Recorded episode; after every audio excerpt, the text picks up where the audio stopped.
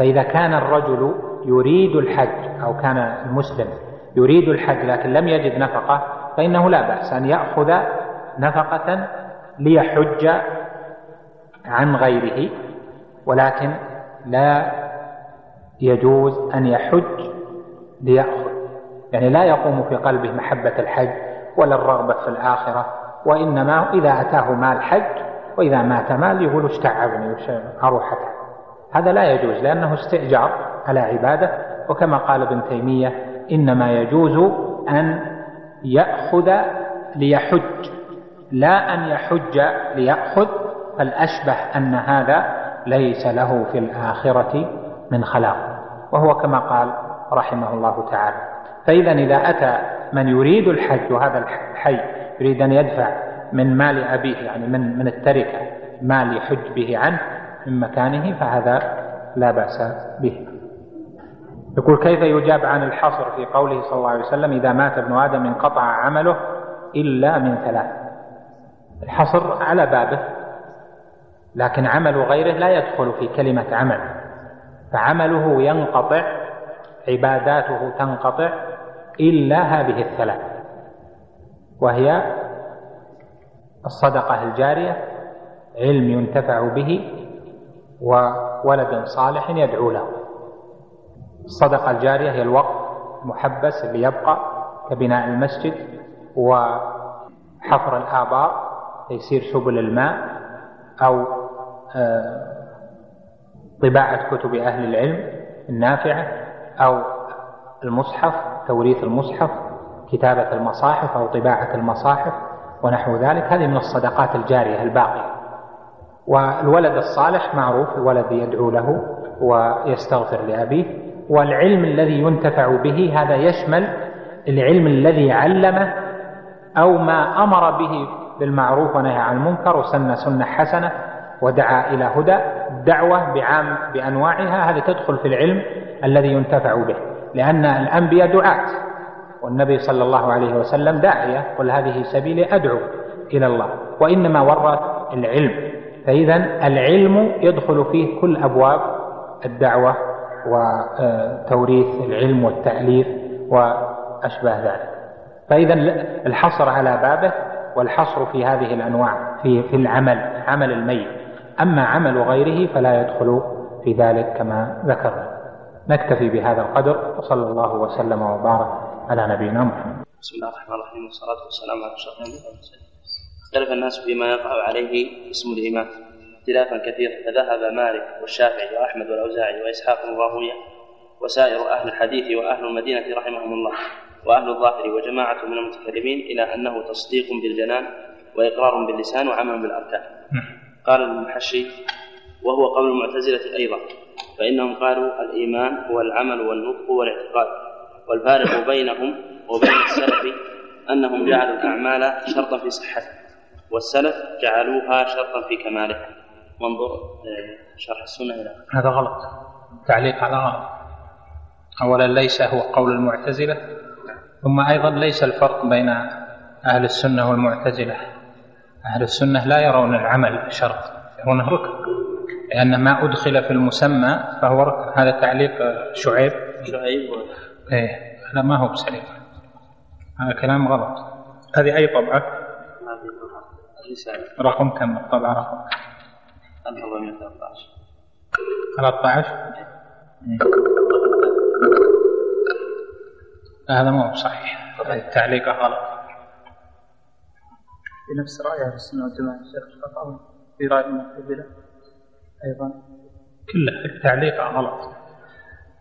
وجعل أن قول أهل السنة أنه إن الإيمان قول باللسان وتصديق بالجنان وعمل بالأركان جعله قولا للمعتزلة. هذا ليس بصحيح. ثم جعل أيضا قول جعل الأعمال عند السلف شرطا في الكمال وجعلها عند المعتزلة شرطا في في صحة الإيمان. وهذا أيضا ليس بصحيح. كل التعليقة مبنية على فهم مبنية على كلام الماترودية يعني في الغالب يعني ينحو منح الماتريدية في هالمسألة أسئلة فقهية. والامرأة ذهبت إلى المستشفى لأجل تركيب لولب مانع للحمل وعندما ذهبت قال لها الأطباء لا بد من إعطائها حبوبا لأجل إخراج الدم من الرحم. ومن ثم تركيب اللولب السؤال ما هو حكم هذا الدم؟ هل يعتبر دم حيض أم يعتبر دم استحاضة؟ هذا يسأل عنه الطبيب. هل هذا الدم دم حيض أم دم استحاضة؟ فالطبيب يفرق بين هذا وهذا. والأصل أن دم الحيض دم طبيعة وجبل يخرج في وقت معين. وما يخرج من الأدوية وما أشبه ذلك هذا يعتبر دم استحاضة وهذا ييسر العمل بأشياء كثيرة وفي أحكام للنساء. لهذا فالأقرب أنه هنا أن يسأل الطبيب والطبيب إذا كان ثقة هو يحدد نوع الخارج ثم يفهم أن الأصل أنه دم استحاضة. إذا لم يكن عند الطبيب يقين أو قال أنا ما أعرف هذا دم أو ما أشبه ذلك فيعتبر دم استحاضة لأنه يعني لساعات وينتهي. هل لشارب خمر أن يقيم على نفسه الحد في السر خوفا من الفضيحة أم تكفيه التوبة؟ لا هي تكفيه التوبة. لم يقل أحد من أهل العلم أن المذنب الذي ارتكب حدا ارتكب ما يوجب حدا ان عليه أن يسلم نفسه أو أن يقيم الحد على نفسه أو أن يذهب إلى من يقيم عليه الحد. بل الصحيح هنا أن الطهارة الكاملة له تكون بالتوبة لأن هذا ليس فيه تعد. أما ما كان فيه تعد ما كان فيه تعد على غيره من مثل القتل أو السرقة أو القذف أو ما أشبه ذلك هذا له آه، بحث آخر. أما شرب الخمر في نفسه فيما فعله وأوجب حدا فإنه تكفيه التوبة. ومن تاب تاب الله عليه. التوبة تجب ما قبلها. والله جل وعلا يقول وإني لغفار لمن تاب وآمن وعمل صالحا ثم اهتدى. قال جل وعلا أيضا قل يا عبادي الذين أسرفوا على أنفسهم لا تقنطوا من رحمة الله إن الله يغفر الذنوب جميعا. أجمع أهل العلم من المفسرين والمحدثين وغيرهم على أن هذه الآية نزلت في التائبين فمن تاب تاب الله عليه. يقول ما يقول الأئمة الأعلام في مخالفي أهل السنة والجماعة في باب الأسماء والصفات من المعطلة والمشبهة وغيرهم. هل هم كفار أم لا؟ وأي نوعي الكفر وقعوا فيه؟ وما سبب ذلك؟ هل لقولهم على الله بغير علم أم لإنكارهم بعض نصوص الوحي أم ماذا؟ وما تأويل الإمام أحمد رحمه الله عندما قال الواقفة أو المفوضة أشد ضلالا من غيرهم أو كما قال. إن شاء الله بعض الأسئلة تكون تصنها أسئلة اختبارات. يعني هل هم كذا؟ وهل هل هم كفار أم لا؟ وأي نوعي الكفر وقعوا فيه؟ وما سبب ذلك؟ هل لقولهم على الله يعني على كل حال الإفادة مطلوبة. آه، الضالون في باب الأسماء والصفات درجات وأقسام. منهم الجهمية ومن شابههم ممن ينفون جميع الأسماء والصفات إلا صفة الوجود المطلق. وهؤلاء هم الذين اشتد عليهم صوت السلف والأئمة بأنهم ليسوا من الثنتين وسبعين فرقة وإنما هم خارجون أصلا. فجهم ومن معه لا يعتبرون أصلا في الإسلام يعني الجهمية الأصليين الذين ينفون جميع صفات الرحمن جل وعلا وجميع أسماء الرحمن جل وعلا إلا صفة الوجود المطلق.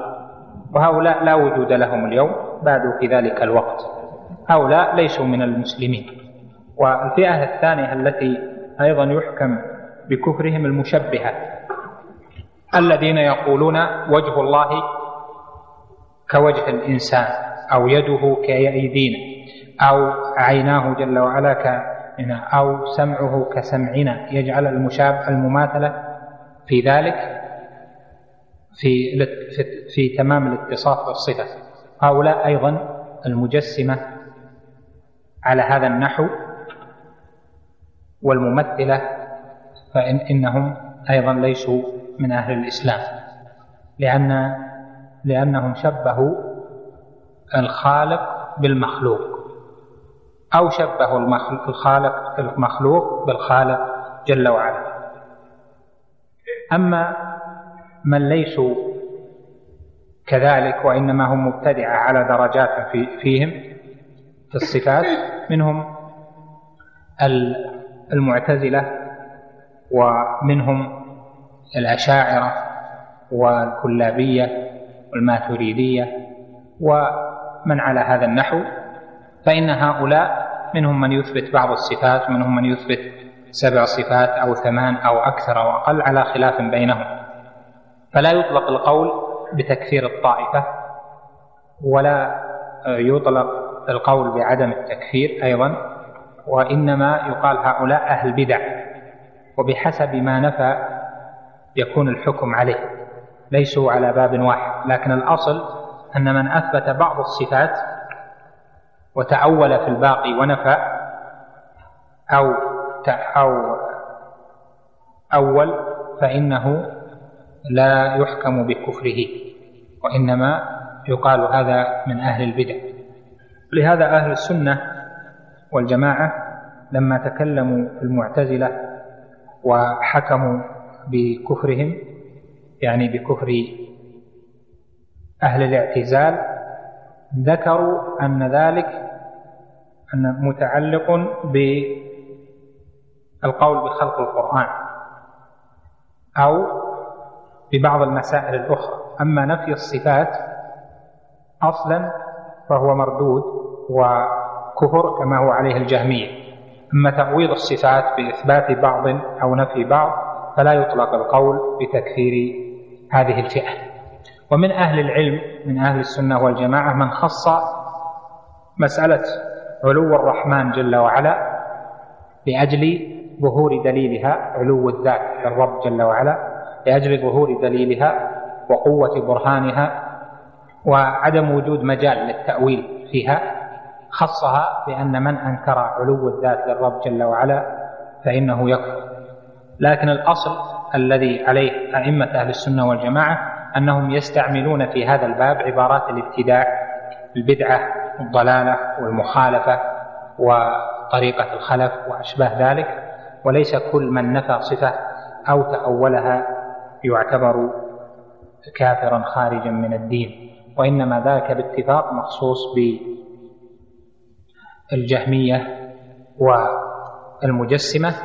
وأما المعتزلة ففيهم تفصيل بحسب المسألة التي تتناول. أما الأشاعرة والماتريدية والكلابية فلا أعلم أحدا من أهل السنة أطلق عليهم الكفر. هل الصحيح أن إزار المسلم إلى نصف الساق أم إلى الكعبين؟ لأني سمعت من يقول إن إلى نصف الساق. لكن إيش الرياء؟ هل هذا صحيح؟ ما فهمت. كلام الخط غير جيد. المقصود أن النبي عليه الصلاة والسلام صح عنه أنه قال إزرة المسلم إلى نصف ساقه ولا جناح عليه فيما بينه وبين الكعبين.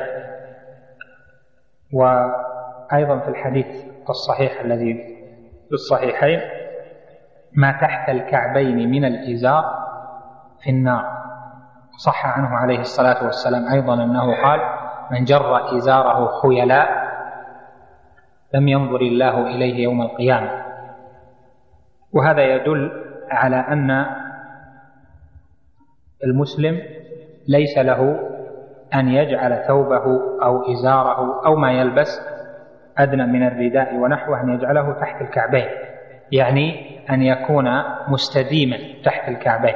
أما إذا كان في حالة يكون تحت الكعبين ثم إذا لبسه مستويا لا يكون تحت الكعبين فهذا لا حرج عليه فيه كما هو ظاهر من حديث أبي بكر الصديق رضي الله عنه أنه قال يا رسول الله إن إزاري يسترخي إلا أن أتعاهده قال يا أبا بكر لست ممن يفعله خيلا.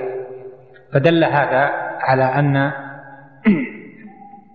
الاستدامة هي المنهي عنها وأن أشد الأمر في ذلك أن يكون جره لإزاره أو إسباله لثوبه أو ردائه أو نحو ذلك على جهة الخيلاء فهذا أشد.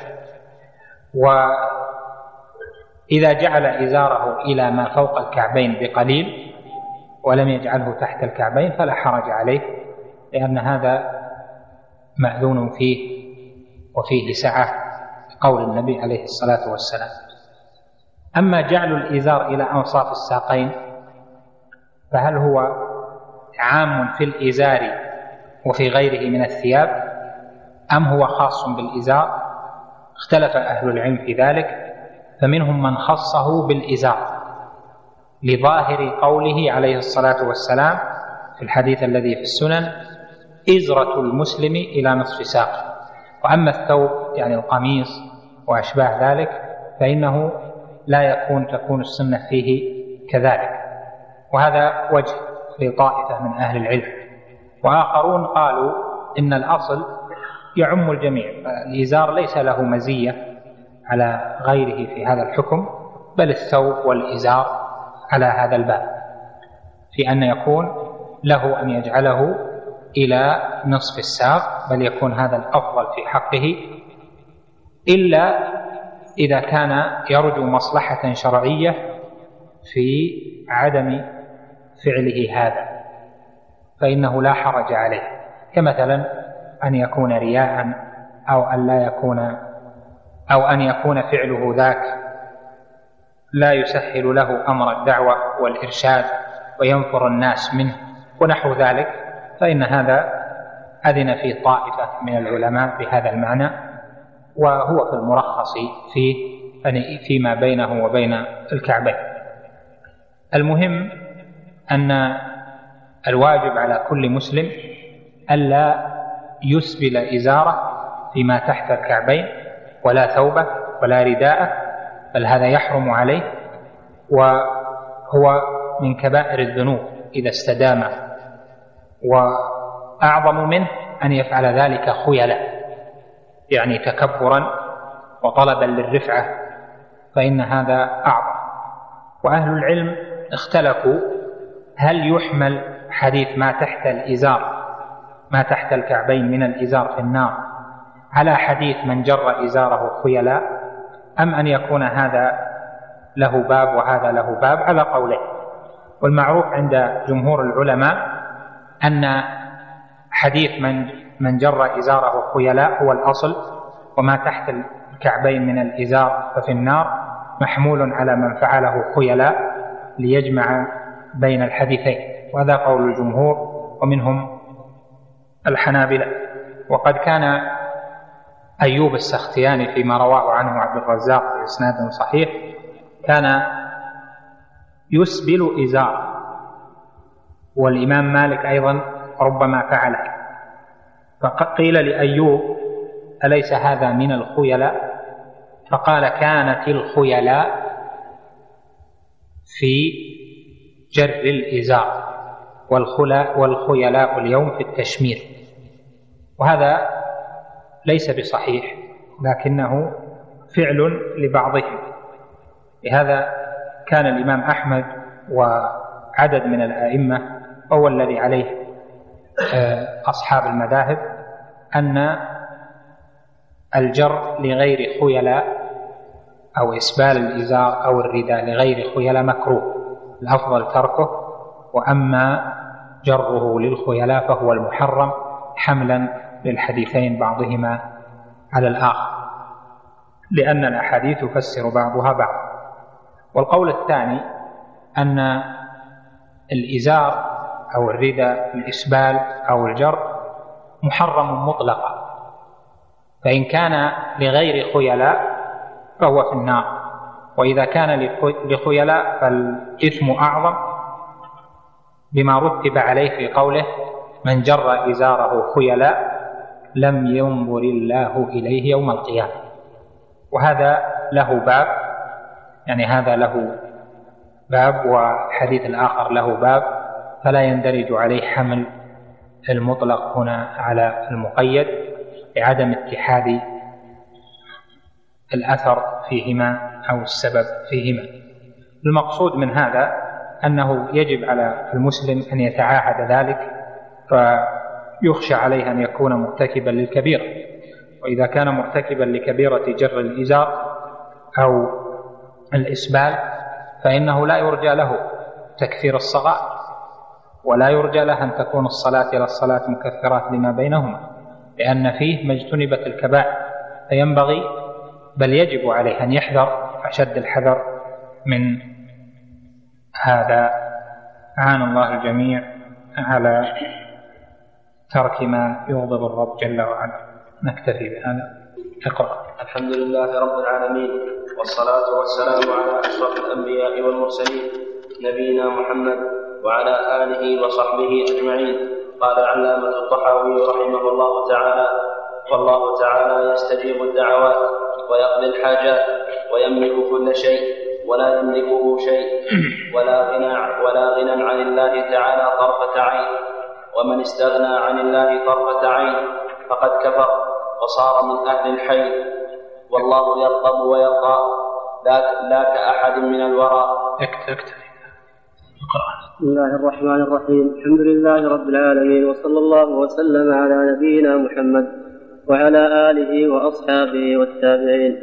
قال الإمام أبو جعفر أحمد بن محمد الطحاوي رحمه الله تعالى والله تعالى يستجيب الدعوات ويقضي الحاجات ويملك كل شيء ولا شيء يملكه ولا غنى عن الله طرفة عين ومن استغنى عن الله طرفة عين فقد كفر وصار من أهل الحين والله يغضب ويرضى لا كأحد من الورى. الحمد لله رب العالمين والصلاة والسلام على نبينا محمد وعلى آله وصحبه أجمعين. أما بعد فيقول الطحاوي رحمه الله والله تعالى يستجيب الدعوات ويقضي الحاجات. يريد بذلك بيان بعض آثار ربوبية الله جل وعلا على خلقه وأنه سبحانه وتعالى خلق الخلق وهو ربهم مالكهم وسيدهم والمتصرف فيهم وهو الذي يفيض عليهم من خيراته جل وعلا وينزل عليهم من رحماته. فإذا احتاجوا فإليه الملجأ. فكما أنه جل وعلا يبتدئهم بالعطايا وينعم عليهم بأنواع النعم فإنهم إذا سألوه ودعوه فإنه سبحانه وتعالى يجيبهم لأن ربوبيته لهم وخلقه لهم يقتضي أن ييسر ما يحتاجون إليه. وخص هنا إجابة الدعوات وقضاء الحاجات لأجل خلاف طائفة من الفلاسفة وغلاة الصوفية ومن شابههم لأجل خلافهم في هذا الأصل وهو أنه لا حاجة للدعاء ولا حاجة للسؤال ولا طلب الحاجات لأن كل شيء إما أن يكون مقدرا من عند الله كقول الصوفية فلا يؤثر فيه شيء وإما أن يكون أثرا لمؤثر ومنفعلا لفعل كقول الفلاسفة أو غلاة الفلاسفة. وها هنا مسائل. الأولى الله جل وعلا في القرآن ذكر كثيرا إجابته للدعاء وللسؤال وإعطاءه كقوله جل وعلا وقال ربكم ادعوني أستجب لكم. إن الذين يستكبرون عن عبادتي سيدخلون جهنم داخرين. وأثنى الله جل وعلا على الأنبياء بأنهم يدعون الله جل وعلا خوفا وطمعا. وبين جل وعلا أنه يجيب دعوة المضطر. فقال سبحانه أمن يجيب المضطر إذا دعاه ويكشف السوء ويجعلكم خلفاء الأرض. بل بين جل وعلا أنه أجاب دعاء إبليس. إذ قال سبحانه قال ربي فأنظرني إلى يوم يبعثون قال فإنك من المنظرين. وبين جل وعلا أنه ربما أجاب دعاء أولياء الشيطان والكفرة. فقال سبحانه فإذا ركبوا في الفلك دعوا الله مخلصين له الدين. فلما نجاهم إلى البر فمنهم مقتصد. وما يجحد بآياتنا إلا كل ختار كفور. ونحو ذلك من الآيات. كقوله وإذا مسكم الضر في البحر ضل من تدعون إلا إياه. وهذا منوع في القرآن كثيرا في أن الله سبحانه خلق الخلق جميعا فهو رب المؤمن ورب الكافر وربوبيته للكافر تقتضي إعطاء وربوبيته للمؤمن تقتضي إعطاء وهكذا.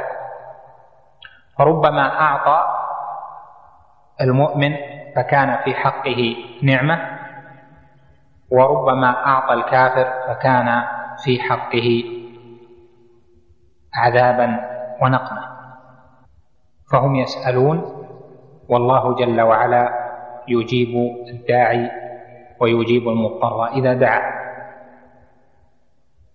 وقضاء الحاجات أيضا يبتدئه الرب جل وعلا ويعطي عبده إذا سأله قضاء حاجة. قال سبحانه يا أيها الناس أنتم الفقراء إلى الله والله هو الغني الحميد. إن يشا يذهبكم ويأتي بخلق جديد وما ذلك على الله بعزيز. وصح عنه عليه الصلاة والسلام أنه قال من حديث سلمان إن الله حيي ستير. يستحيي من عبده إذا رفع إليه يديه أن يردهما صفرا خائبتين. رواه أبو داود الامام أحمد وجماعة بإسناد صحيح. وأيضا جاء في سنن ابن ماجه وعند غيره أنه عليه الصلاة والسلام قال من لم يسأل الله يغضب عليه. وفي إسناده نظر. وأيضا صح عنه عليه الصلاة والسلام أنه قال إن الله ينزل آخر كل ليلة إلى السماء الدنيا فينادي هل من داع فأستجيب له؟ هل من سائل فأعطيه؟ هل من مستغفر فأغفر له؟ وهذا يدل على أن الرب جل جلاله يقضي حاجات العباد ويفيض عليهم من الخيرات. وهو سبحانه الذي دعا إلى دعائه وهو الذي يجيب. وهذا يدل كما سيأتي على أن الدعاء سبب من الأسباب العظيمة النافعة التي جعلها الله جل وعلا سببا. المسألة الثانية مخالفة من خالف ولأجلها أورد الطحاوي هذه الجملة من غلاة المتصوفة وطائفة من الفلاسفة. هؤلاء يقولون الدعاء لا حاجة إليه. وسؤال الرب جل وعلا قضاء حاجة العبد لا حاجة إليه. وعللوا ذلك بأمرين. الأول أنه سبحانه قدر الأشياء وجعل لكل أمر سيحصل قدرا مقدورا. فإذا كان مقدرا فسيقع وإن لم يكن مقدرا قالوا فلن يقع. فإذا لا حاجة إلى الدعاء ولا فائدة منه. والثاني أنهم قالوا إن الله جل وعلا عود خلقه وسنة الله فيهم على أنه يعطيهم ما يحتاجون. ولم يجعل قلوبهم معلقة بهل يأتي الأمر أم لا يأتي. فتمام إخلاص القلوب عندهم أن ترضى بما عليها وأن أن ترضى بما هي عليه من الحال وأن تنتظر إفاضة الله جل وعلا لما يريده ولما يعطيه.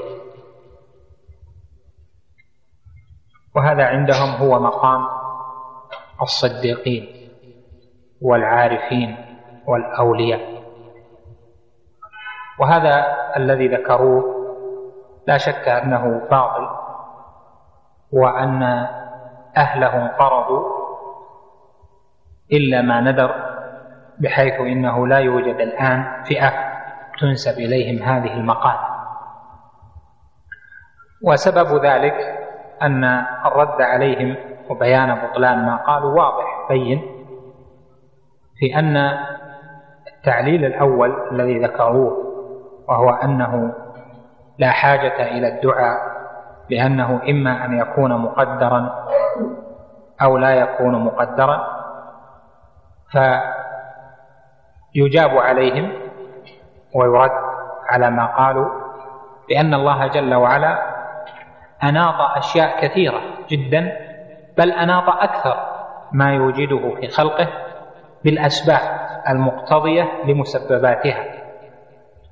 فأناط إخراج الولد وانعقاد الحمل بأن يتزوج الرجل على المرأة يهب لمن يشاء إناثا ويهب لمن يشاء الذكور لكن لا يهب إلا بسبب. وكذلك قدر جل وعلا أن فلانا يمرض لكنه لم يقدر هذا المرض إلا غالبا بسبب. وكذلك وجل وعلا جعل فلانا عالما وقدر ذلك لكن لا يكون إلا بسبب هو أن يتعلم. كما قال عليه الصلاة والسلام إنما العلم بالتعلم. فاذا قول غلاة الصوفية هو مصير منهم إلى نفي الأسباب ونفي النظر إليها وأن الأمور بجبر وليست منوطة بأسباب بل الله جل وعلا يجبر الأشياء على أن تكون على وفق ما يراد دون أن يرتبط شيء بسببه.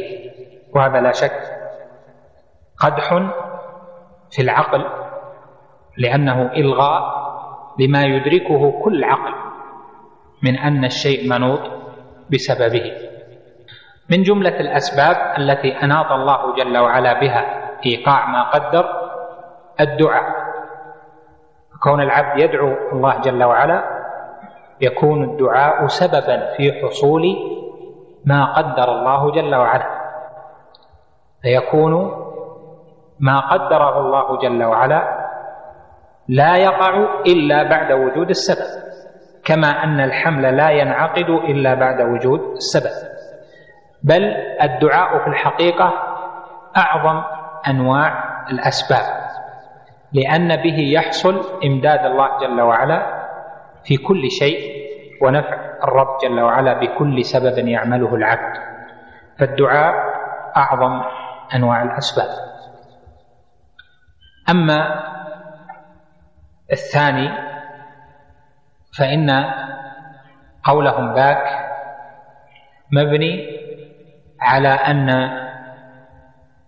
حالة النبي عليه الصلاة والسلام وحالة الصحابة رضوان الله عليهم ليست هي الحالة الكاملة بل كيف ينظرون إلى فعل النبي عليه الصلاة والسلام في أحواله كلها؟ وأنه عليه الصلاة والسلام لم يكن يترك الدعاء لنفسه ولأهله ولأمته عليه الصلاة والسلام بل أرشد الصديق وعمر إلى أن يعظموا الرجاء والدعاء وهذا يدل على أن حال الكاملين أن يتعرضوا لدعاء الله جل وعلا. فكم دعا النبي عليه الصلاة والسلام من دعاء في صلاته في آخر الليل وفي أوقات الإجابة عليه الصلاة والسلام. وهذا لأنه أعرف الناس وأعلم الناس بربه جل جلاله وتقدست أسماؤه أما قول الفلاسفة فالفلاسفة أنواع منهم من يوقن بنفع الدعاء. لكنهم يقولون إن الدعاء ينفع لأنه يؤثر فيما عقدته الأفلاك لأن عندهم أن الأثر للفلك الثامن الذي يؤثر في مجموعة الأفلاك فينقل فيها التأثيرات التي تؤثر على سلوك أهل الأرض وما يكون في الأرض. ومنهم من يقول الدعاء أصلا لا ينفع لأن الأمور بنظام وكل شيء يقع على مقتضى الطبيعة والدعاء ليس سببا طبيعيا. وهذا قول الملاحدة منهم وظاهر فيه أنهم لا يؤمنون بحال الأنبياء عليهم الصلاة والسلام. المسألة الثالثة دعاء العبد لله جل وعلا وتضرع العبد عند الله جل وعلا فيه أمور. الأول أنه تعرض لرحمة الله جل وعلا ولآثار ربوبيته. فهو سبحانه وتعالى يعطي من سأله ويجيب من دعاه جل وعلا لأنه هو الرب. ولهذا قد يعطي الله جل وعلا الكافر كما أجاب دعاء إبليس. قد يمرض الكافر فيسأل الله جل وعلا فيشفى. وقد يتعرض الكافر لمصيبة فيسأل الله جل وعلا أن يكفيه شرها فيجاب. بل يأتي المشرك والخرافي والمشرك المتعلق بالأموات فيأتي عند القبر بقلب مضطر فيسأل الله جل وعلا لصاحب هذا القبر أو يسأل الله جل وعلا ثم يسأل صاحب القبر فيجاب الدعاء لما قام في قلبه من الاضطرار لله جل وعلا ويكون في حقه في ابتلاء ويكون أيضا فتنة للآخرين. فاذا العطاء لا يقتضي الرضا عن المعطى وإجابة الدعاء لا تقتضي الرضا عمن أجيب دعاء.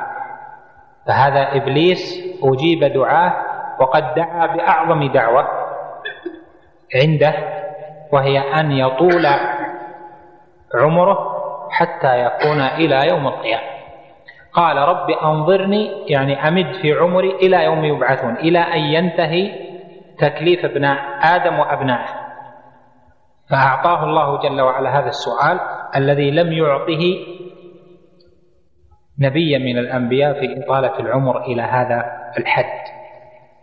وهذا كما أعطى الكفار بعض ما سألوا وكما يعطي بعض من يعبدون المسيح أو يعبدون عزيرا أو يعبدون غير الله فيعطيهم لأمر لا لأجل كفرهم ولكن لحكمة يعلمها الله أو لأجل اضطرارهم أو لأن هذا الإعطاء أصلا من مقتضيات ربوبيته جل وعلا لهم وهم بحاجة إليه والله هو الذي خلقهم وجعل لهم قدرا مقدورا.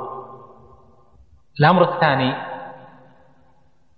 أن الدعاء فيه إثبات لصفات كثيرة من صفات الرب جل وعلا.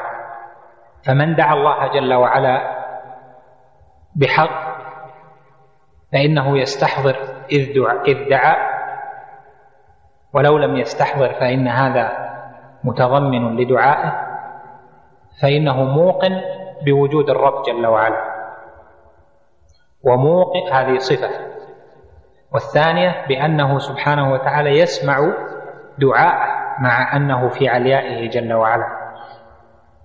وهو يهمس همسا لا يجهر وهو يعتقد أن الرب جل وعلا سميع لدعائه. ويوقن أنه جل وعلا وهي الصفة الثالثة أنه قدير على إجابة دعائه.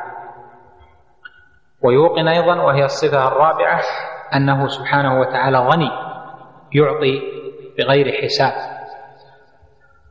ويوقن أيضا وهي الصفة الخامسة أنه جل وعلا رحيم بعباده فإن سؤال الرب جل وعلا تعرض لآثار رحمته سبحانه وتعالى. وكذلك يوقن وهي الصفة التي بعده بأنه سبحانه وتعالى حي. وهكذا فمن تأمل دعاء العبد نظر في أن في دعاء العبد أنواعا من إثبات الكمالات للرب جل وعلا. ولذلك يضعف التوحيد إذا ترك العبد دعاء ربه جل وعلا. فكلما قل الدعاء قل تعلق العبد بالله جل وعلا لأن آثار التوحيد على النفس والنور الذي يقذف في القلب من آثار التعلق بالله جل وعلا يضعف شيئا فشيئا.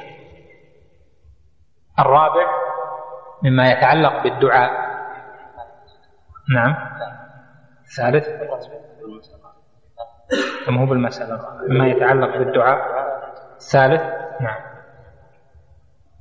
الله جل وعلا في إجابة الدعاء وفي إعطاء الحاجة التي سئلت جعل لذلك شروطا وجعل لذلك موانع. فإن العبد قد يسأل ولا يعطى وقد يدعو دعاء سؤال ولا يستجاب له في عين ما سأل لأنه لم تكتمل الشروط في حقه أو قام مانع من الموانع. وهذا يتضح بمسألة تأتي. الرابع من المسألة الثالثة أن إجابة الدعوات وقضاء الحاجات ليس دليلا على شيء وإنما هو من جنس مطلق الإعطاء. فكما أن الله جل وعلا جعل هذا على صفة وهذا على صفة وهذا على صفة فإنه سبحانه يعطي هذا ويعطي هذا ويعطي هذا. فقد كما ذكرت لك يعطي الكافر ويعطي المبتدع ويعطي الفاسق ويجيب دعاء هذا وهذا وربما هذا بأكثر وهذا بأكثر. لكن يمتاز المؤمن والعبد الصالح وولي الله جل وعلا أن يكون جواب الله جل وعلا له وإعطاؤه لسؤاله يعني إعطاء لما سأل عن محبة ورضا فيكون في حقه نعمة ولا يكون في حقه نقمة أو ابتلاء.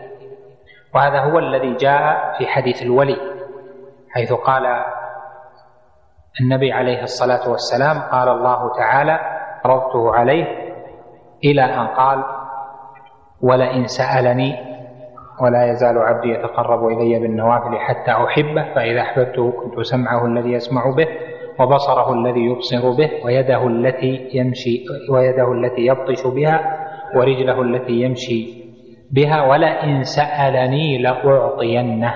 هذا عطاء محبة. ولئن استعاذني لأعيذنه. هذا إعادة محبة ورضا. المسألة الرابعة قال بعضهم إن الله جل وعلا ربما لم يعطي العبد سؤال فيدعو العبد ولا يعطى. وهذا الكلام صحيح لكن له أسباب. الأول أن الله سبحانه وتعالى قال وقال ربكم ادعوني أستجب لكم وقال من يدعوني فأستجيب له. من يسألني فأعطيه من يستغفرني فأغفر له. وإجابة الدعاء عام يشمل إجابة دعاء العبادة وإجابة دعاء المسألة. أما إجابة دعاء العبادة فهو بالإثابة وأما إجابة دعاء المسألة فهو بالإعطاء. ولهذا في آية سورة فاطر قال جل وعلا وقال ربكم ادعوني بل آية سورة غافر وقال ربكم ادعوني أستجب لكم. إن الذين يستكبرون عن عبادتي سيدخلون جهنم داخرين. ورجح طائفة من أهل العلم أنها في في الدعاء الذي هو العبادة. ادعوني أستجب لكم يعني اعبدوني أثبكم. إن الذين يستكبرون عن عبادتي سيدخلون جهنم داخرين. والنوع الثاني الذي هو دعاء المسألة ويكون استجابة الدعاء المسألة بإعطاء العبد ما سأل. وهذا يعم إجابة الدعاء يعم إعطاء العبد ما سأل أو ما هو في مقام إعطائه ما سأل من صرف السوء عنه. ولهذا قال العلماء إن العبد إذا دعي إذا دعا الله جل وعلا ولم يعطى ما سأل فإن لهذا عدة تعليلات. الأول منها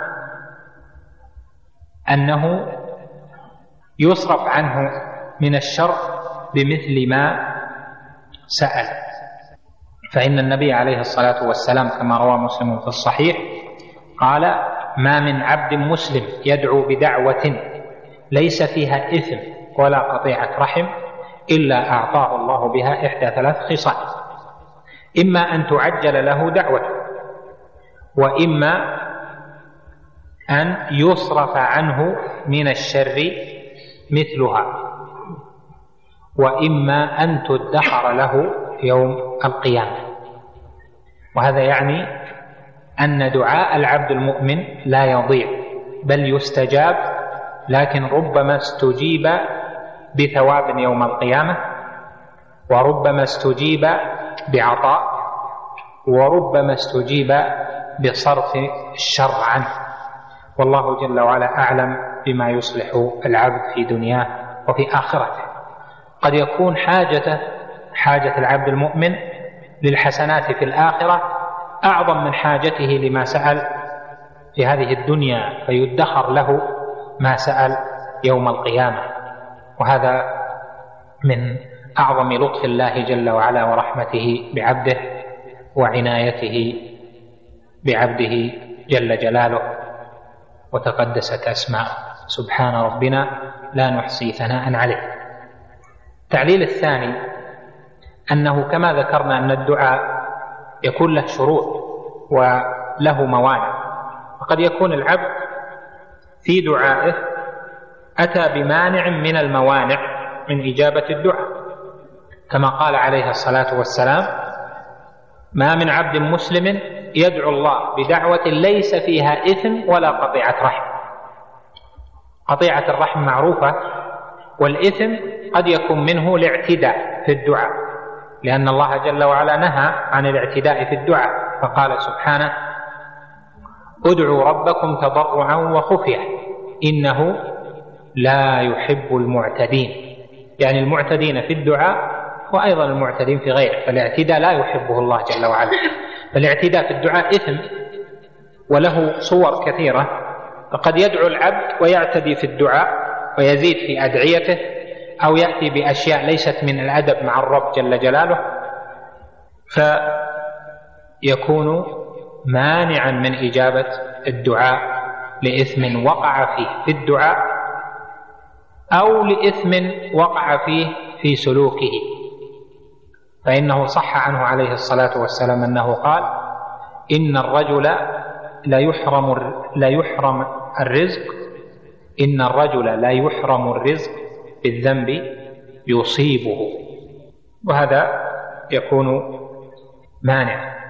أيضا هناك شروط للدعاء من الآداب فيه فلا بد من توفرها.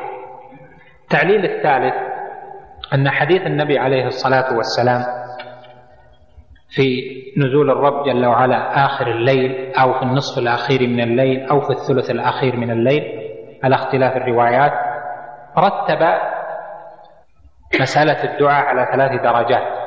فقال عليه الصلاة والسلام إن الله ينادي هل من داع فأستجيب له. هل من سائل فأعطيه. هل من مستغفر فأغفر له. ومغفرة الذنب أخص من إعطاء السؤال. وإعطاء السؤال أخص من إجابة الدعاء. فلهذا رتبها عليه الصلاة والسلام على هذه الثلاث درجات.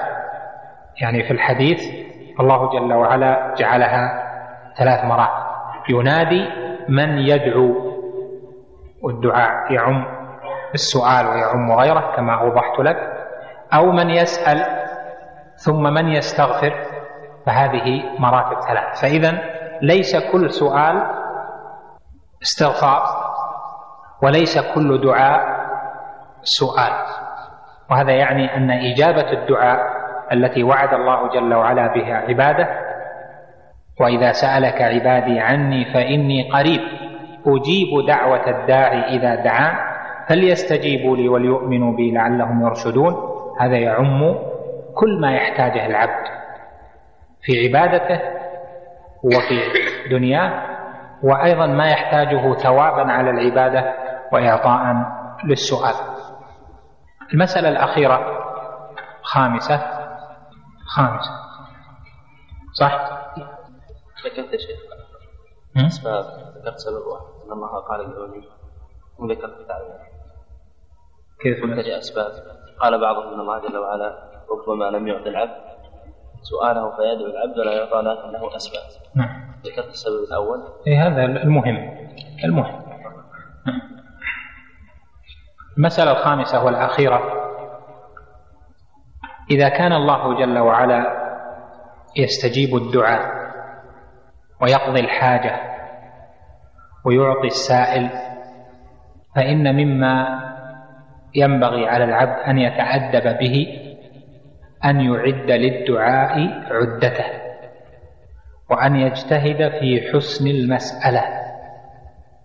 ولهذا أحسن أمير المؤمنين عمر رضي الله عنه أيما إحسان إذ أرشد الأمة إلى قوله إني لا أحمل هم الإجابة ولكن أحمل هم الدعاء. فإذا وفقت للدعاء جاءت الإجابة. وهذا من أعظم الكلام الذي قاله عمر رضي الله عنه ومن أحسنه لأنه لا يدل عليه في بيانه ولا في تصويره لهذه المسألة من كلام الصحابة بمثله. لهذا ينبغي على العبد إذا أراد أن يدعو أن يعلم أنه إنما يدعو مالك الملك الذي خلق الذي هذه الأرض قبضته يوم القيامة والسماوات مطويات بيمينه الذي عنده مفاتح الغيب لا يعلمها إلا هو ويعلم ما في البر والبحر وما تسقط من ورقة إلا يعلمها. ولا حبة في ظلمات الأرض ولا رطب ولا يابس إلا في كتاب مبين. الذي يجيب المضطر إذا دعاه ويكشف السوء. الذي يعلم السر وأخفى. الذي يطلع على خائنة الأعين وما تخفي الصدور. لهذا ينبغي على العبد المؤمن أن يعد للدعاء عدته كما قال عمر رضي الله عنه إني لا أحمل هم الإجابة ولكن أحمل هم الدعاء فإذا وفقت للدعاء جاءت الإجابة. لهذا يحسن بالداعي أن يجتهد في دعائه وأن يحضر له أن يستعد في تحسينه لأنه سيدعو ويرفع يديه لله جل وعلا وخاصة إذا كان الدعاء في موقع من مواقع العبادة العظيمة كحال السجود إذا لم يدعو بما أثر عن النبي صلى الله عليه وسلم الذي هو جوامع الكلم في الدعاء فإنه لا بد أن يستعد ولا يدعو بإثم أو يجتهد فيتساهل في هذا الأمر. كذلك في موقع خطبة الجمعة فإنه ينبغي له أن يعد العدة فيما يدعو به إذا دعا بشيء لم يؤثر. وكذلك في صلاة في قنوته كل ليلة أو في سجوده أو في صلاة التراويح من الأئمة الذين يقنتون بالناس فإنهم ينبغي لهم أن يعلموا أن إجابة الدعاء منوطة بحسن الدعاء. فمن أحسن الدعاء رجي له الإجابة. أما أنه يدعو بما خطر على باله ويتعدى في ذلك وهو ليس بمحسن ويأتي بكلام كثير ربما يكون فيه اعتداء في الدعاء وهو لا يشعر فيأثم ويأثم من خلفه وربما لم تستجب دعواتهم بعموم أنواع الاستجابة التي ذكرنا فهذا مما ينبغي التنكب عنه والبعد عنه. لهذا هذه المسألة عظيمة. الدعاء أثر من آثار الإيمان وبه تستمطر الرحمات من الرب جل جلاله. ولهذا أعدوا له عدته ولا يكن المرء مستغنيا عن فضل الله جل وعلا. لا بد من الإلحاح في الدعاء الاضطرار في أوقات الإجابة. كل أحد له حاجة. كل أحد له حاجة. فإذا أحسن السؤال جاءت الإجابة. أسأل الله جل وعلا أن يجعلني وإياكم ممن تجاب دعواتهم وتغفر زلاتهم. إنه سبحانه جواد كريم. قال بعد ذلك ويملك كل شيء ولا يملكه شيء. يريد بذلك أنه سبحانه وتعالى هو المتفرد بأنه يملك كل شيء. فما من شيء إلا والله جل وعلا ربه وهو مالكه وهو سيده المتصرف في شؤونه. وكذلك هو سبحانه وتعالى لا يملكه شيء ولا يؤثر في ملكه شيء سبحانه وتعالى إلا بإذنه. فهو الواحد الأحد في ملكه الرب وحده والعباد محتاجون إليه في ذلك. وهذه الجملة واضحة في تقرير بعض أفراد الربوبية التي تجعل العبد يقبل على ربه في الدعاء. فهو سبحانه يقضي الحاجات لأنه يملك كل شيء ولا يملكه شيء سبحانه وتعالى. والعبد يدعو ربه لأنه يعلم أن الله يملك كل شيء ولا يملكه شيء سبحانه وتعالى.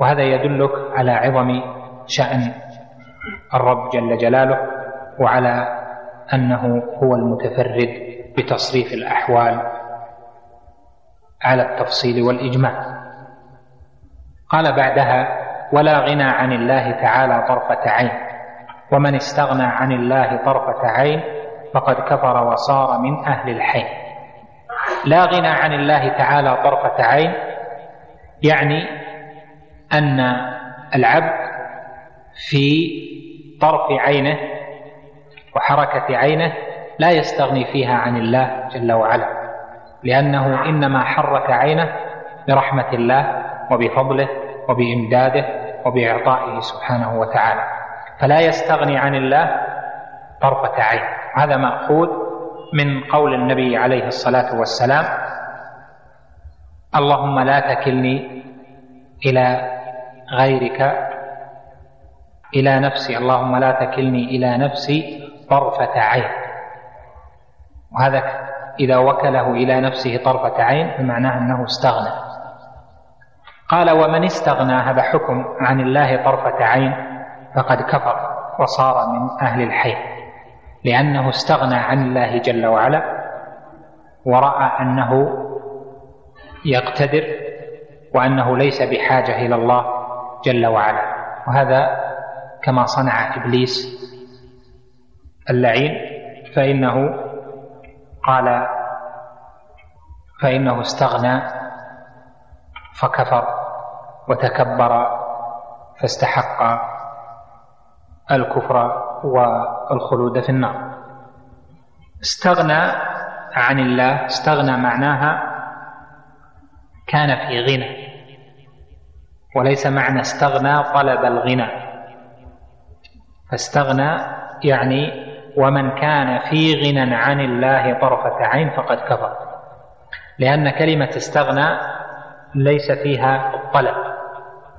فالأصل في السين والتاء الطلب. إلا في إلا في مسائل ومن أهل العلم من يقول إنه لا قاعدة في السين والتاء أنها للطلب لكن يقال الأكثر في مجيئها أنها للطلب. وقد تأتي لبيان تمكن الصفة من الموصوف. فقول الله جل وعلا في سورة التغابن واستغنى الله والله هو الغني الحميد استغنى الله يعني غني الله. فصار صارت صفة الغنى له صفة كمال له الغنى الكامل الذي لا نقص فيه من الوجه من الوجوه لأن زيادة المبنى تدل على زيادة المعنى. وهنا في قوله ومن استغنى يعني ليس معناه من طلب الغنى معناه كان في غنى. من استغنى عن الله يعني كان في غنى عن الله طرفة عين فقد كفر وصار من أهل الحين والحين هنا بمعنى الهلاك لأنه صار متوعدا بل صار من أهل العذاب لأنه كفر والعياذ بالله. هذه كلها يريد منها الطحاوي رحمه الله بيان آثار ربوبية الله جل وعلا وتعلق العقل بالله سبحانه وتعالى. نقف عند هذا. والجملة القادمة تحتاج إلى تفصيل طويل. والله يغضب ويرضى لا كأحد من الورى لأن لها تعلق بالصفات الاختيارية وبمسائل كثيرة فيما ذهب إليه أهل البدع الصفات الاختيارية صفات الأفعال. يأتي بيانها إن شاء الله تعالى. نجيب على بعض الأسئلة سؤالين أو ثلاثة. يقول ما الفرق بين قيام الحجة وبين فهم الحجة؟ وهل من لم يفهم الحجة يؤاخذ على ما لم يفهمه؟ على ما لم يفهمه؟ أفدني. ذكرنا الفرق بين قيام الحجة وفهم الحجة في أجوبة أسئلة وكذلك فصلناه في كشف الشبهات. فأنا أريد الأخ السائل أنه يرجع إلى شرح كشف الشبهات ليستفيد أولا ثم ينظر إلى هذا الموضع. وخلاصة الكلام أن قيام الحجة ليس بشرط. آه، أن فهم الحجة ليس بشرط. وأما قيام الحجة فهو شرط في التكفير ووقوع العذاب. وفهم الحجة يراد منها يعني الذي ليس بشرط يراد منه أن يفهم أن هذه الحجة أرجح مما عنده من الحجج. المهم أن يفهم الحجة ودلالة الحجة من كلام الله جل وعلا وكلام رسوله صلى الله عليه وسلم وأن تزال أو يبين له بطلان الشبهة التي عنده. وليس من شرط قيام الحجة أن يفهم فهم الحجة أن يفهم الحجة كفهم أبي بكر وعمر والصحابة الذين نور الله قلوبهم ولا من نور الله قلبه ممن تبعهم بإحسان. لأنه لو قيل بفهم الحجة هنا صار لا يكفر إلا من عاند يعلم أن هذه الحجة ويعرف يفهم الحجة ويفهم أنها صحيحة ويفهم أنها راجحة ومع ذلك لا يستجيب. فهذا يعني أنه معان والله جل وعلا بين في القرآن أن منهم من لم يفقه. أصلا كقوله جل وعلا وجعلنا على قلوبهم أكنة أن يفقهوه. يعني أن يفهموه فهم الحجة كما فهمها من أراد الله جل وعلا هدايته. وهناك قسم آخر من فهم الحجة اللي هو فهم اللسان. فهم اللسان هذا لا بد منه. وما أرسلنا من رسول إلا بلسان قومه ليبين لهم فلا بد أن يفهم وجه الحجة باللسان الذي يتكلم به. لكن يفهم أن حجة هذه أرجح مما من الحجة هذه أرجح من الحجة التي عنده أو أنها أقوى من الشبهة التي عنده نحو ذلك هذا ليس بلازم. المهم أن توضح بشروطها الكاملة. وهذا يقوم بها العلماء. وتختلف مسألة قيام الحجة وفهم الحجة بحسب نوع الشبهة التي تعرض فمسائل مثلا الاستغاثة, الاستغاثة بالله جل وعلا ليست في قيام الحجة الاستغاثة بالله جل وعلا وحده وأن الاستغاثة بغيره شرك أكبر. ليست في قيام الحجة وفي مسألة فهمها مثل مسألة الشفاعة طلب الشفاعة من النبي عليه الصلاة والسلام. هذه مسألة ربما حصل فيها نوع اشتباه عند من لم يعلم وتلك واضحة بينة. فإذا مسألة قيام الحجة تختلف باختلاف نوع قيام الحجة وكيف تقام الحجة وبما تقام تختلف بما يبين المسألة إلى آخره. هل هل يستدل بفعل العالم لفعل معين في مسألة ما على أن ذلك الفعل هو مذهبه الذي يقول به؟ لا يدل على ذلك. فالفعل له احتمالات كثيرة. وأيضا الفعل قد يكون عن غفلة لكن إذا لازم الفعل إذا لازمه فإن هذا يدل على أنه مذهب له. لكنه إذا فعله أحيانا فربما العالم بشر ربما يأتيه من الشواغل ما يجعله لا يلتزم بالسنة في بعض المواضع أو يعمل شيئا وهو لا يستحضر الحكم فيه تماما يعني وهو يفعل ذاهل ونحو ذلك فهذا يعرض لكل أحد فالعالم فعله ليس بحجة إلا إذا التزمه. إذا التزمه يدل يعني ليس لا نقول ليس بحجة لكن ليس بمذهب له إلا إذا التزمه فإذا التزمه دل على أنه يذهب إلى هذا القول. هل يجوز أن يدعى بقول قائل يا مجيب دعوة نوح أجب دعائي؟ وسأل الله جل وعلا وتعرض لذلك فلا بأس. وهل يجوز نحو ذلك بقول القائل يا مجيب دعوة إبليس أجب دعائي؟ هذا خلاف الأدب. فكونه ما يدعو إلا بهذا هذا يدل على سوء أو على جهل. أنه هو يتعرض بما يناسب أن يجيب الدعاء. ودعوة إبليس أجيبت ابتلاء وامتحان وضلال له ليعظم, ليعظم إثمه وإضلاله للخلق ويكون أعظم في عذابه. هذا من من الاعتداء في الدعاء ومن عدم الأدب مع الله جل وعلا. هل القول إن العمل شرط في صحة الإيمان صحيح؟ وإذا كان غير صحيح نرجو ذكر السبب. وكذلك قول إن العمل شرط في كمال الإيمان.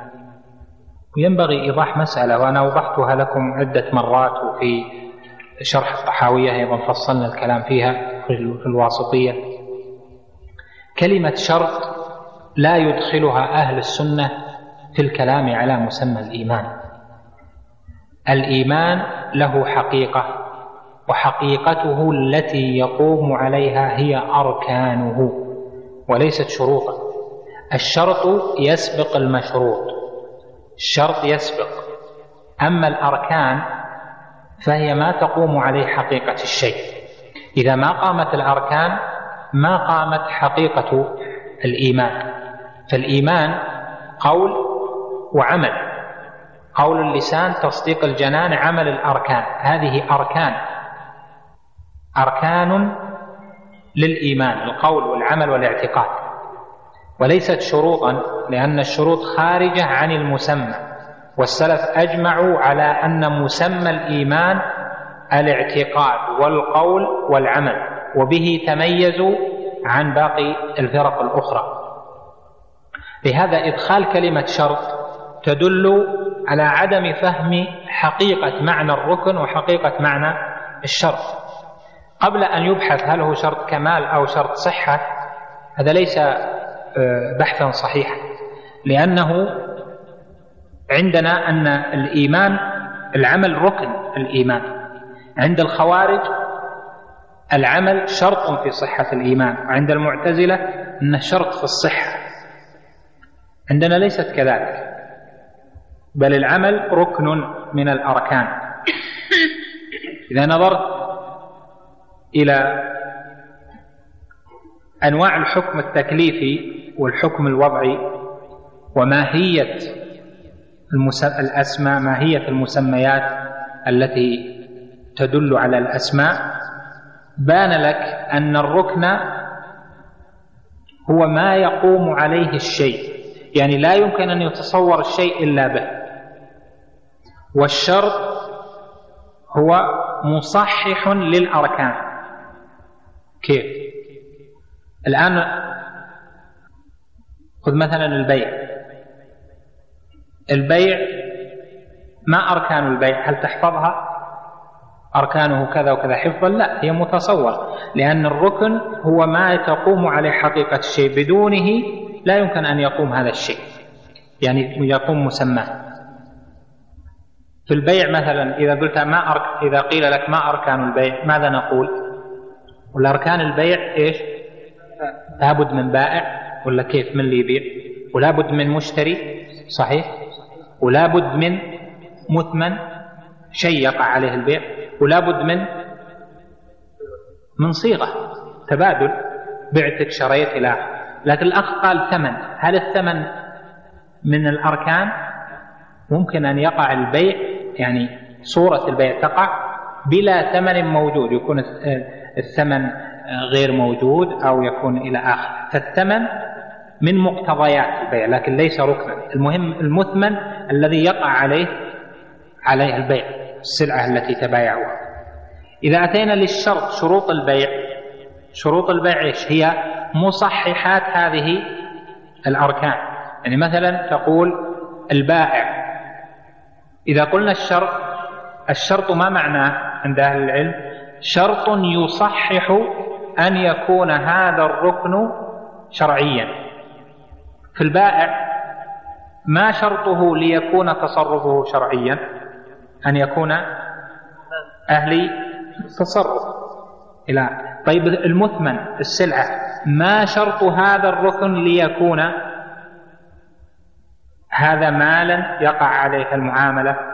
ولا تشترط إيش له؟ أن يكون إيش معلوما أن يكون أن يكون له مالية ما يكون محرم إلى آخره أن يكون مباح النفع من غير حاجة إلى آخر ما.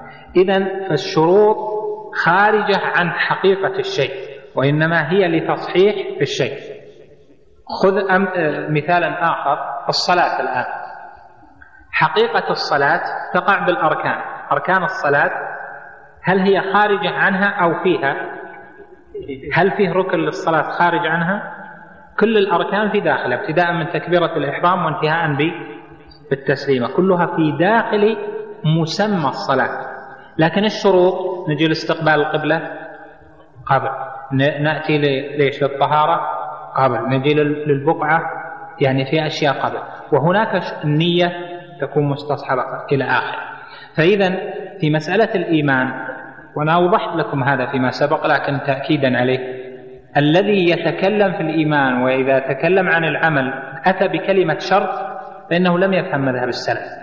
لأن الشرط لا يمكن أن تقول الإيمان قول وعمل وتقول العمل شرط. كيف يكون الإيمان قول وعمل ويكون العمل شرط؟ الشرط خارج عن الحقيقة. فإذا كانت حقيقة الإيمان قول وعمل باتفاق السلف بالإجماع بإجماع السلف. حتى إن البخاري رحمه الله ذكروا عنه أنه لم يروي في في كتابه لمن لم يقل الإيمان قول وعمل. إذا كان الإيمان قول وعمل معنى هذه حقيقة الإيمان. فكيف يجعل العمل شرط؟ فإذا جعلنا العمل شرطا معناه أخرجناه من كونه ركنا وجعلناه شرطا للقول أو شرطا للاعتقاد. فإما أن ندخل في مذهب المرجئة أو ندخل في مذهب الخوارج والمعتزلة. وهذه مسائل مهمة وتبين لك ضرورة الاتصال بعلم الأصول أصول الفقه وتعريفات الأشياء حتى يفهم معنى اللفظ ودلالته وهذا كتفصيل للإجمال الذي به غلظنا المحشي الطحاوية على حاشيته بينوا لنا الفرق بين المشيئة والإرادة وهل تعلقهما واحد؟ أم ثم تفريق بين الكون والشرع هذا سؤال جيد ويدل على آه، إدراك في العلم إن شاء الله تعالى. المشيئة مشيئة الله جل وعلا غير الإرادة. من جهة أن الإرادة تنقسم إلى قسمين والمشيئة نوع واحد. فمشيئة الله جل وعلا في النصوص واحدة. وتفسر بما يشاؤه كونا يعني بما يريده كونا بما يأذن به جل وعلا أن يحدث في ملكوته كونا. أما الإرادة فلها قسمان في ألفاظ أخر جاءت في الشريعة مثل الإذن والكتابة والقضاء والأمر إلى آخره. فالإرادة منها إرادة كونية ومنها إرادة شرعية. الإرادة الكونية لا تعلق لها وهي المشيئة لا تعلق لها بمحبة الله جل وعلا وبرضاه. يعني يريد كونا ويشاء كونا مما شاءه أشياء يحبها جل وعلا ويرضاها ومما شاءه أيضا وأراده كونا أشياء يكرهها الله جل وعلا لكن أذن بها في ملكه لحكمة. أما الإرادة الشرعية فهو جل وعلا لا يريد شرعا لا يأذن شرعا إلا بما يحبه ويرضاه. والله سبحانه وتعالى لا يرضى لعباده الكفر ولذلك لا يريد الكفر شرعا وإن أراده وشاءه كونا وهكذا. يقول هل تعلقهما واحد؟ أم ثم تفريق بين الكون والشرع؟ تعلق مختلف لأن الإرادة الكونية تعلقها بما يكون يعني تعلقها بالحكم بالخلق. والإرادة الكونية تعلقها بالأمر وبما شرع. والله سبحانه وتعالى فرق ما بين الخلق والأمر فقال ألا له الخلق والأمر. فالخلق هذا تعلق المشيئة والإرادة الكونية به والأمر تعلق الإرادة الشرعية به لهذا يختلف هذا عن ذاك. نكتفي بهذا القدر وأسأل الله جل وعلا لكم العلم والعمل والتوفيق لكل خير ولأحبابنا جميعا إنه جواد كريم. ذكرتم السؤال والدعاء. أحدهما أخص والثاني اعم السؤال والدعاء. أنا نعم. انتبهت الدعاء الدعاء أعم. لأنه ينقسم إلى دعاء عباده ودعاء نعم. أما السؤال خاص بسؤال المسألة صح؟ نعم. طيب ليش ما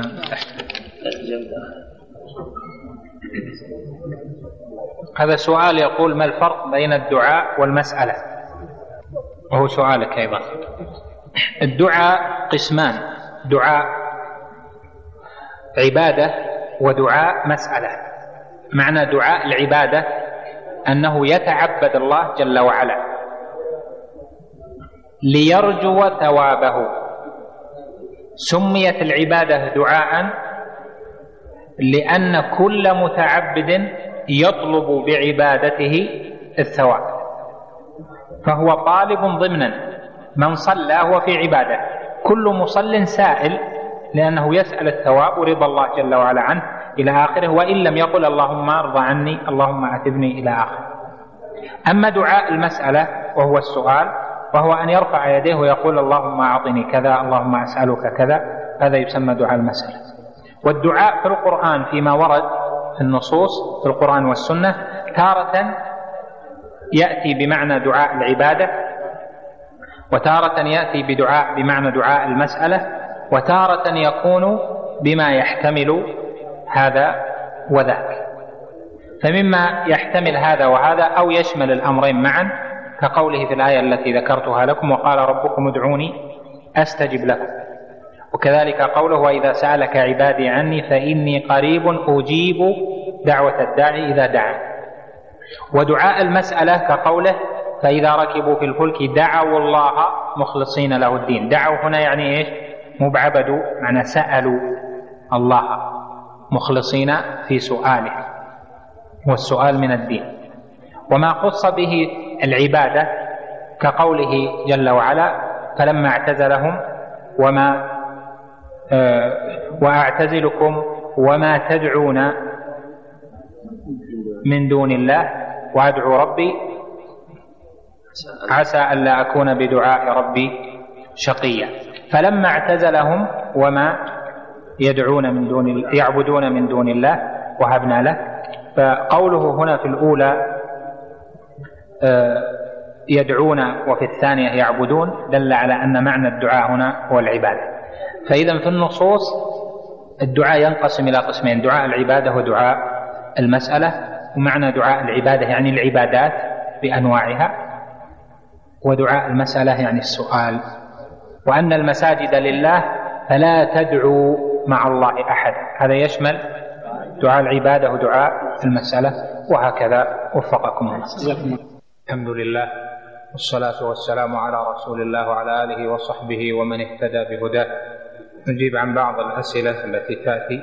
يقول سمعت حديثا أنه ليس يتحسر أهل الجنة على شيء إلا على ساعة لم يذكروا الله تعالى فيها. فهل هذا التحسر مما ينافي النعيم أو غير ذلك؟ لا يحضرني الحديث في تخريجه وعلى القول أو على فرض ثبوته فإن التحسر في فوات المراتب العالية نقص ولكنه ليس عذابا لأن الذي منع أهل الجنة من أن يكون عليهم هو العذاب. أما النقص في النعيم بأنواعه هذا حاصل. فإن نعيم أهل الجنة ليس بمرتبة واحدة ولا بمنزلة واحدة. يتفاوتون في النعيم البدني وفي النعيم البصري والسمعي وكذلك في النعيم النفسي. يتفاوتون في ذلك بحسب مراتبه. فإذا وجد تحسر فهذا نقص. يعني بمعنى فوت بعض النعيم. يعني يقولون ليتنا عاملنا ذكرنا الله جل وعلا في كل ساعة حتى تزيد أو ترتفع درجتنا. يقول عندما يتكلم العلماء على مسألة الزيادة والنقص في الإيمان يأتون بعبارات مثل إنه متبعد وإنه متفاضل وإنه يذهب بعضه ولا يذهب أصله. وأنه يذهب بعضه ولا يذهب كله. فهل هذه العبارات مقصودة أم أنها تدل على مسألة الزيادة والنقص؟ أم أنها تدل على معنى زائد على الزيادة والنقص؟ الذي ينبغي على طالب العلم إذا درس مسألة من مسائل العلم أن يبتدئ بأصول المسألة ويستوعبها جيدا لأن الأصول والمسائل الأولى في العلم أو في أي مسألة من المسائل قبل الدخول في التفصيلات هي التي عليها بناء هذا الباب أو بناء هذه المسألة. ولذلك قد يكثر طالب العلم من القراءة فتدخل عليه مسائل في مسائل خاصة في العقيدة ويشتبه عليه التأصيل بالتفريع ويشتبه عليه المسائل التي هي عقد ويبنى عليها العلم من المسائل التي هي من الإيضاح أو من اللوازم أو من الاستطرادات واشباه ذلك. الإيمان عند جمهور أهل السنة والجماعة يزيد وينقص وزيادته دل عليها القرآن كما هو معلوم في قوله زادتهم إيمانا وعلى ربهم يتوكلون وفي قوله زادهم إيمانا وفي قوله ليزداد الذين آمنوا إيمانا ونحو ذلك. وهذه الزيادة قال بها جميع أهل السنة بأن الإيمان يزيد هذا إجماع من أهل السنة. لكن هل ينقص أم أنه يزيد ويقف ثم يزيد مرة أخرى؟ عامة أهل السنة جمهور أهل السنة إلا ما ندر يقولون ما زاد فإنه ينقص. وذلك لأن سبب الزيادة وعلة الزيادة هي الإيمان.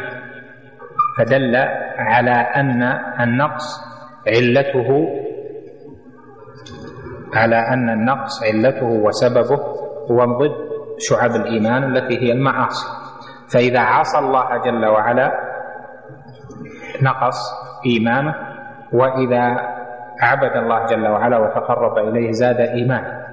وهذا يدل عليه أيضا حديث جمع من الأحاديث الصحيحة منها قوله عليه الصلاة والسلام لا يزني الزاني حين يزني وهو مؤمن. وفي لفظ عند الإمام أحمد إذا زنى الزاني خرج منه الإيمان فكان على رأسه كالظلة فإذا ترك ونزع عاد إليه. وهذا يدل على أن فعل المعاصي سبب في زوال بعض الإيمان وهذا هو معنى النقص. فإذا الإيمان يزيد وينقص هذا هو قول أهل السنة يعني عامة أهل السنة أكثر أهل السنة أو تقول كل أهل السنة إلا من ندر. أما مسألة التبعض فهذه متصلة يذكرون الإمام متبعض هذه متصلة بمسائل الزيادة والنقصان ومسائل الأسماء والأحكام. يعني أن أن الإيمان ليس شيئا واحدا. إما أن يأتي ويثبت كله وإما أن يذهب ويزول كله. لأن هذا هو قول الخوارج ومن شابههم في أن الإيمان شيء واحد إما أن يوجد وإما أن يزول. هو شيء واحد لا يقبل التفاضل. وكذلك المعين هذا من جهة الحكم ومن جهة الأسماء فإن من ارتكب المعصية فليس بمؤمن عندهم لأنه ارتكب ما يذهب معه أصل. الإيمان فليس بمؤمن. فإذا مسألة التبعض وأن الإيمان يزيد وينقص يتبعض يذهب بعضه لا يذهب أصله هذه كل آه، مسائل متعلقة بمذهب أهل السنة والجماعة في الإيمان. ثم التبعض له علاقة بالأحكام والتكفير والأسماء التي تطلق على مرتكب المعصية والكبيرة. فإذا قولك في الأخير هل تدل على مسألة الزيادة والنقص أم تدل على معنى زائد على الزيادة والنقص؟ لا هي تدل على معنى زائد على الزيادة والنقص لكن لها صلة بالزيادة والنقص لأن منبع الزيادة والنقص ومنبع التبعض واحد وهو أن الإيمان ليس شيئا واحدا وإنما الإيمان قد يأتي وقد يذهب قد يزيد وقد ينقص. أخي المستمع الكريم تابع ما تبقى من مادة هذا الشريط على الشريط التالي. مع تحيات تسجيلات الراية الإسلامية بالرياض. هاتف رقم أربعة تسعة واحد واحد تسعة ثمانية خمسة. والسلام عليكم ورحمة الله وبركاته.